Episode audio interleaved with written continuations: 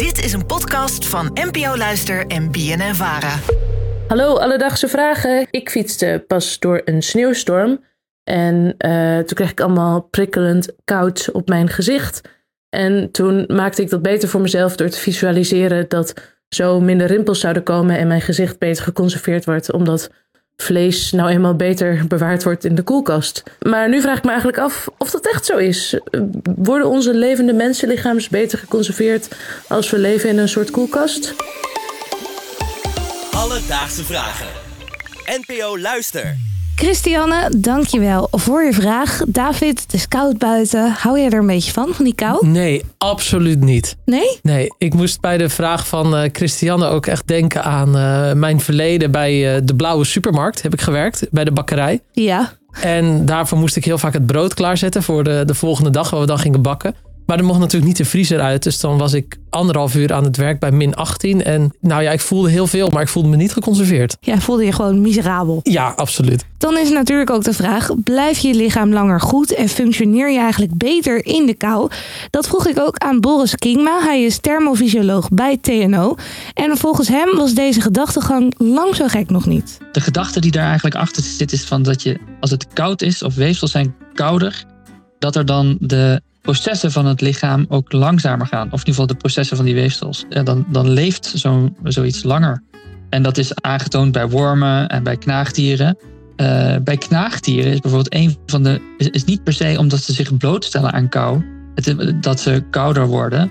Daar heb je bijvoorbeeld uh, andere manieren voor. Dat zijn dan bijvoorbeeld uh, calorierestrictie, heet dat dan. krijg, je, krijg je minder warmteproductie en dan ook dus een kouder lichaam. Omdat je lichaam de weefsels minder actief zijn, dat je ook minder DNA-schade krijgt. Dus doordat het lichaam kouder is, zou er minder DNA-schade plaatsvinden. Aha. Wat je lichaam dus langer goed moet houden. En dat klinkt als een simpel en klaar antwoord. Maar helaas ligt het zoals altijd een stuk ingewikkelder. Want de temperatuur van ons lichaam zegt toch weinig over de levensverwachting en gezondheid. Vogels die zijn over het algemeen warmer dan knaagdieren. Maar die leven wel langer dan knaagdieren. Dus ja, dus dan is het niet zo, hè, dan kun je die relatie niet zo zeggen. En hetzelfde is met buideldieren. Die zijn over het algemeen kouder dan zoogdieren, maar die leven juist korter dan zoogdieren. En als je het dan heel dichtbij houdt bij, bij mensen, dan zie je dat vrouwen gemiddeld warmer zijn dan mensen, maar gemiddeld wel langer leven. Zei hij nou dat vrouwen warmer zijn dan mannen? Ja, dat klopt. Dat komt absoluut niet overeen met mijn ervaring. Misschien van de buitenkant hebben we inderdaad vaak koude handen, koude voeten. Oh, maar van binnen. Maar van binnen zijn we natuurlijk ontzettend warmbloedig. Ja, dat en dat betekent, nou ja, dat houdt wel in dat wij soms toch ook langer leven. Maar naast de bouw van ons eigen lichaam en de temperatuur worden we natuurlijk ook beïnvloed door externe factoren uit onze omgeving. En hoe dat precies zit, dat vroeg ik aan Hein Dane. Hij is ook thermofysioloog en is gespecialiseerd in temperaturen in verhouding met sterfte. En aan hem vroeg ik of men in een koud klimaat langer leeft dan in een warm klimaat. Als je kijkt naar mensen die in koude landen leven, laten we even kijken naar de Inuit bijvoorbeeld die in Canada leven, of de mensen die in koude streken leven. Daar zie je vaak dat de levensverwachting lager is dan in landen zoals Nederland. En dat komt door een aantal factoren, zoals toegenomen alcoholgebruik. Je ziet dat in die streken veel meer alcoholgebruik en misbruik is. En verder zie je ook dat het voedselaanbod in die koude streken veel vetter is. En dat heeft ook een nadelig effect op de gezondheid. Ja, dan kan je misschien wel een lagere DNA-afbraak hebben en dergelijke. Maar ja, als er niks is om te eten, dan word je toch niet heel oud. Absoluut niet. En het is ook nog eens niet zo goed voor je hart- en bloedvaten. Dat komt er ook nog eens bij. Juist. Dit gaat dus over een koud klimaat. Maar uit onderzoek blijkt nu dat het wel goed is om het af en toe wel koud te hebben. Oké. Dit zegt Boris erover. Uh, onderzoeker Henry Kennard die heeft dan laten zien dat mensen die, zich, die meer temperatuurvariatie hebben, dat die minder gezondheidsklachten hebben. Daarnaast heb je nog op, op, op kleine, kleinere, minder aantallen mensen, dat er heel precies gekeken is. En dan zie je dus bijvoorbeeld blootstelling aan kou uh, uh, op een aantal uur per dag. Dat dat bepaalde processen in je lijf helpt om beter te gaan. Bijvoorbeeld dat je lichaam beter suiker opneemt. En dat is dan bijvoorbeeld relevant voor als je diabetes hebt of juist dat te dik bent om meer warmte te produceren. Is dit een beetje hetzelfde principe als de sauna? Dat vind ik een, een goede vraag. Dus dat je, van, je gaat van heel warm naar heel koud, Ja. waardoor je lichaam dus blijft werken. Uh, en dan wordt het inderdaad allerlei processen in werking gezet, waardoor dat goed is voor jouw verbranding onder andere. En dus om je suiker af te breken. Alledaagse vragen.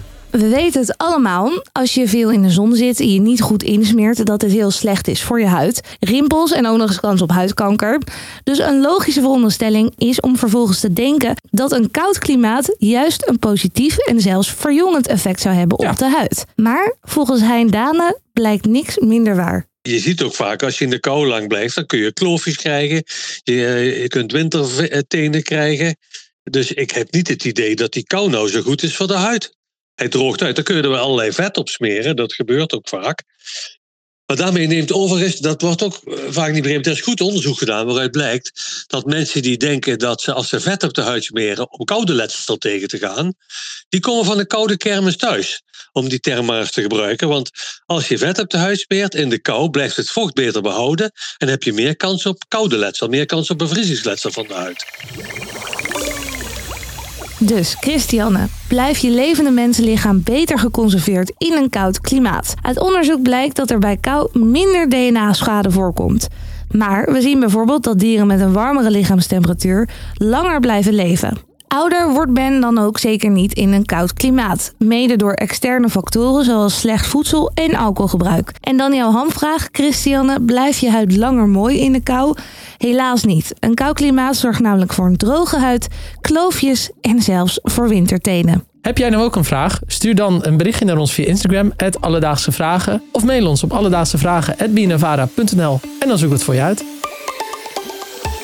Alledaagse Vragen.